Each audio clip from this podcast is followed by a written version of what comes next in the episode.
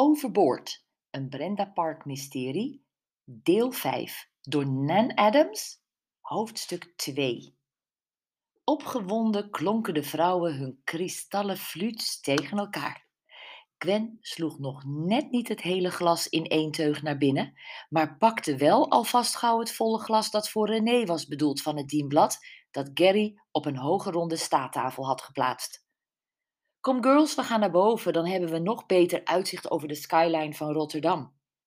Brenda haastte zich om naast Gwen te lopen, die met de twee champagnefluits richting de ijzeren trap beende. Proost, Gwen, zei ze zachtjes.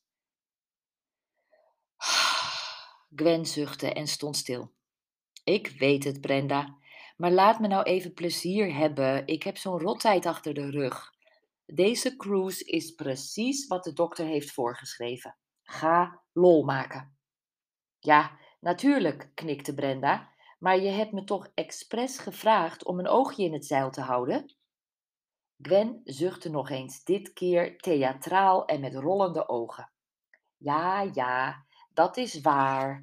En ik weet dat het voor mijn eigen bestwil is. Drank heeft al te veel kapot gemaakt in mijn leven. Met een teleurgesteld gezicht gaf ze de volle fluit aan Brenda. Je hebt gelijk. Dank je, Brenda. Vandaag zou de eerste dag van de rest van mijn leven moeten zijn. Het is nog niet te laat om dat gevoel vast te houden. Met haar eigen glas in één hand spreidde ze haar armen en draaide zich naar de kade. I'm the queen of the world, schreeuwde ze door de lucht. Brenda schudde haar hoofd. Gwen was de grappigste, maar ook ingewikkeldste retreatgast die ze ooit had gehad. Wat Gwen al meegemaakt had. Ze had het Brenda allemaal te uit en te na verteld tijdens rustige momenten in de retreats die ze heel regelmatig boekte. Ik leid gewoon niet het leven zoals dat voor mij is bedoeld, verzuchtte Gwen keer op keer. Hoe is het dan voor jou bedoeld? Nou, ik zou niet moeten hoeven werken. Ik zou een vol huis met kinderen gehad moeten hebben, een groot vrijstaand huis op het platteland en een liefdevolle echtgenoot en veel geld.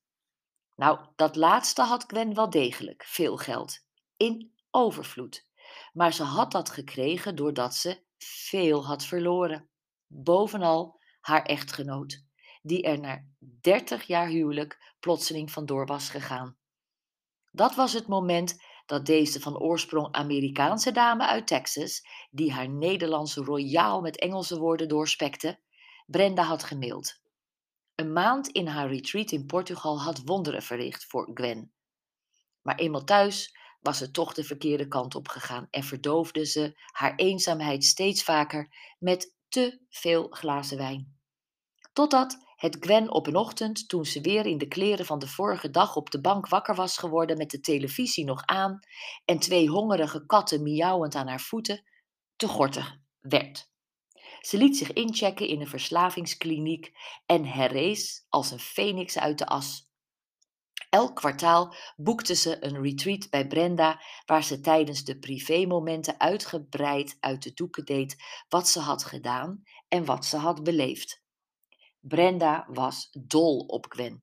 Haar veerkracht, levenslust en belangstelling voor alles en iedereen was inspirerend. Andere mensen vonden Gwen vaak nogal intens en dat begreep Brenda wel. Gwen was eigenlijk een 65-jarig rupsje nooit genoeg. Dat maakte haar chronisch ontevreden, maar zorgde er ook voor dat er altijd wat met haar te beleven viel. Een keer had ze de hele retreatgroep meegesleurd naar de Tiffany's juwelier in het chique Mandarin Oriental Hotel in Barcelona. Een andere keer had ze voor alle vrouwen dure Mai Tai cocktails besteld in de Jet Set nachtclub van Ronaldo in de jachthaven van Villa Mora. In de hoop om een glimp van de knappe stervoetballer op te vangen, wat natuurlijk niet gebeurde. Jules gaf Brenda een duwtje de trap op. Is Gwen altijd zo aanwezig? Uh, ja, eigenlijk wel, zei Brenda. Gwen is een tikje overboord in alles. Jules grinnikte. Leuke woordspeling. Haha, Ja, en ik heb er nog één. Bij Gwen is de zee altijd zonder water. Huh? Die heb ik nog nooit gehoord. Jules keek niet begrijpend. Gwen is een grote lieverd, maar bij haar is het nooit genoeg. Zelfs een zee van water is niet voldoende. Zij leeft altijd een beetje in haar eigen fantasiewereld. Eigenlijk bezat ze alles wat haar hartje begeerde. Alleen had ze een echtgenoot die steeds minder tegen haar uitspattingen kon en die, volgens Gwen, uiteindelijk werd ingepikt door een golddigger die twintig jaar jonger was dan zij. Nu zo'n anderhalf jaar geleden. Jules snoof afkeurend. Nou, daar was hij zelf bij, neem ik aan. Is het een leuke man? Ik heb hem nooit ontmoet. En natuurlijk was hij er zelf bij. Maar in alle eerlijkheid heeft Gwen wel de deur naar een affaire opengezet. Ze gaf letterlijk en figuurlijk niet thuis aan haar man. Altijd de hort op, altijd bezig met haar uiterlijk. Maar als puntje bij paaltje kwam, had ze vaak een slok te veel op en verdween de intimiteit tussen haar en haar man steeds een beetje meer. Brenda en Jules keken naar Gwen, die, haar mobiel in de aanslag, Sophie in model probeerde te krijgen in de houding van Kate Winslet op de boeg van de Titanic. Sophie keek wanhopig. Ik hoef niet als Rose op de foto, Gwen, riep ze, maar Gwen liet zich niet van de wijs brengen. Een beetje een bord voor haar mooie koppie, die Gwen, observeerde Jules. Brenda knikte. Gwen was inderdaad een prachtige, verzorgde verschijning. Met dik zilvergrijs haar, geknipt in een elegante, halflange bob. Ferrari-rode nagels op haar fijne handen en voetjes en altijd dure kleren, meestal jurken. Ze voelde hoe het schip in beweging kwam en greep Jules weer vast. We gaan! Jules wipte weer op en neer. O Brenda, knijp me harder. Ik heb het gevoel dat ik droom, net als Victoria. Voor het eerst met jou mee op retreat en dan meteen het neusje van de zalm, je cruise retreat. Ik geniet nu al zo enorm. Ze pakte Brenda bij haar bovenarmen. Hadden wij dit gedacht toen we veertig jaar geleden in de klas van meester Kamphuis aan elkaar werden voorgesteld? Echt niet. Brenda gaf haar beste vriendin spontaan een dikke zoen op haar kruin. Ze waren wel jaren ouder geworden en enorm gegroeid, maar in centimeters bleef ze boven haar bestie uittorenen. Zo, ik heb al een hele rits foto's gemaakt.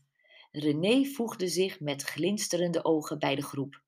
Ook van bovenaf, van jullie, met de champagne. Een mooi plaatje. Fijn, zei Brenda. Wees jij maar onze scheepsfotograaf. Dan hebben we aan het einde van de retreat een mooie reportage. Dat is goed, antwoordde René en ze voegde de daad bij het woord. Met haar lange bovenlijf hing ze over de reling en richtte ze haar fototoestel op de walkant, waar tientallen mensen het vertrek van het schip wilden zien. Pas op, René, riep Brenda, straks val je tussen de wal en het schip. Dat zou niet best zijn, lachte René. Maar niet de eerste keer. Ik hoorde net van mensen boven op het dek dat er gisteren een lijk is gevonden, hier in de haven.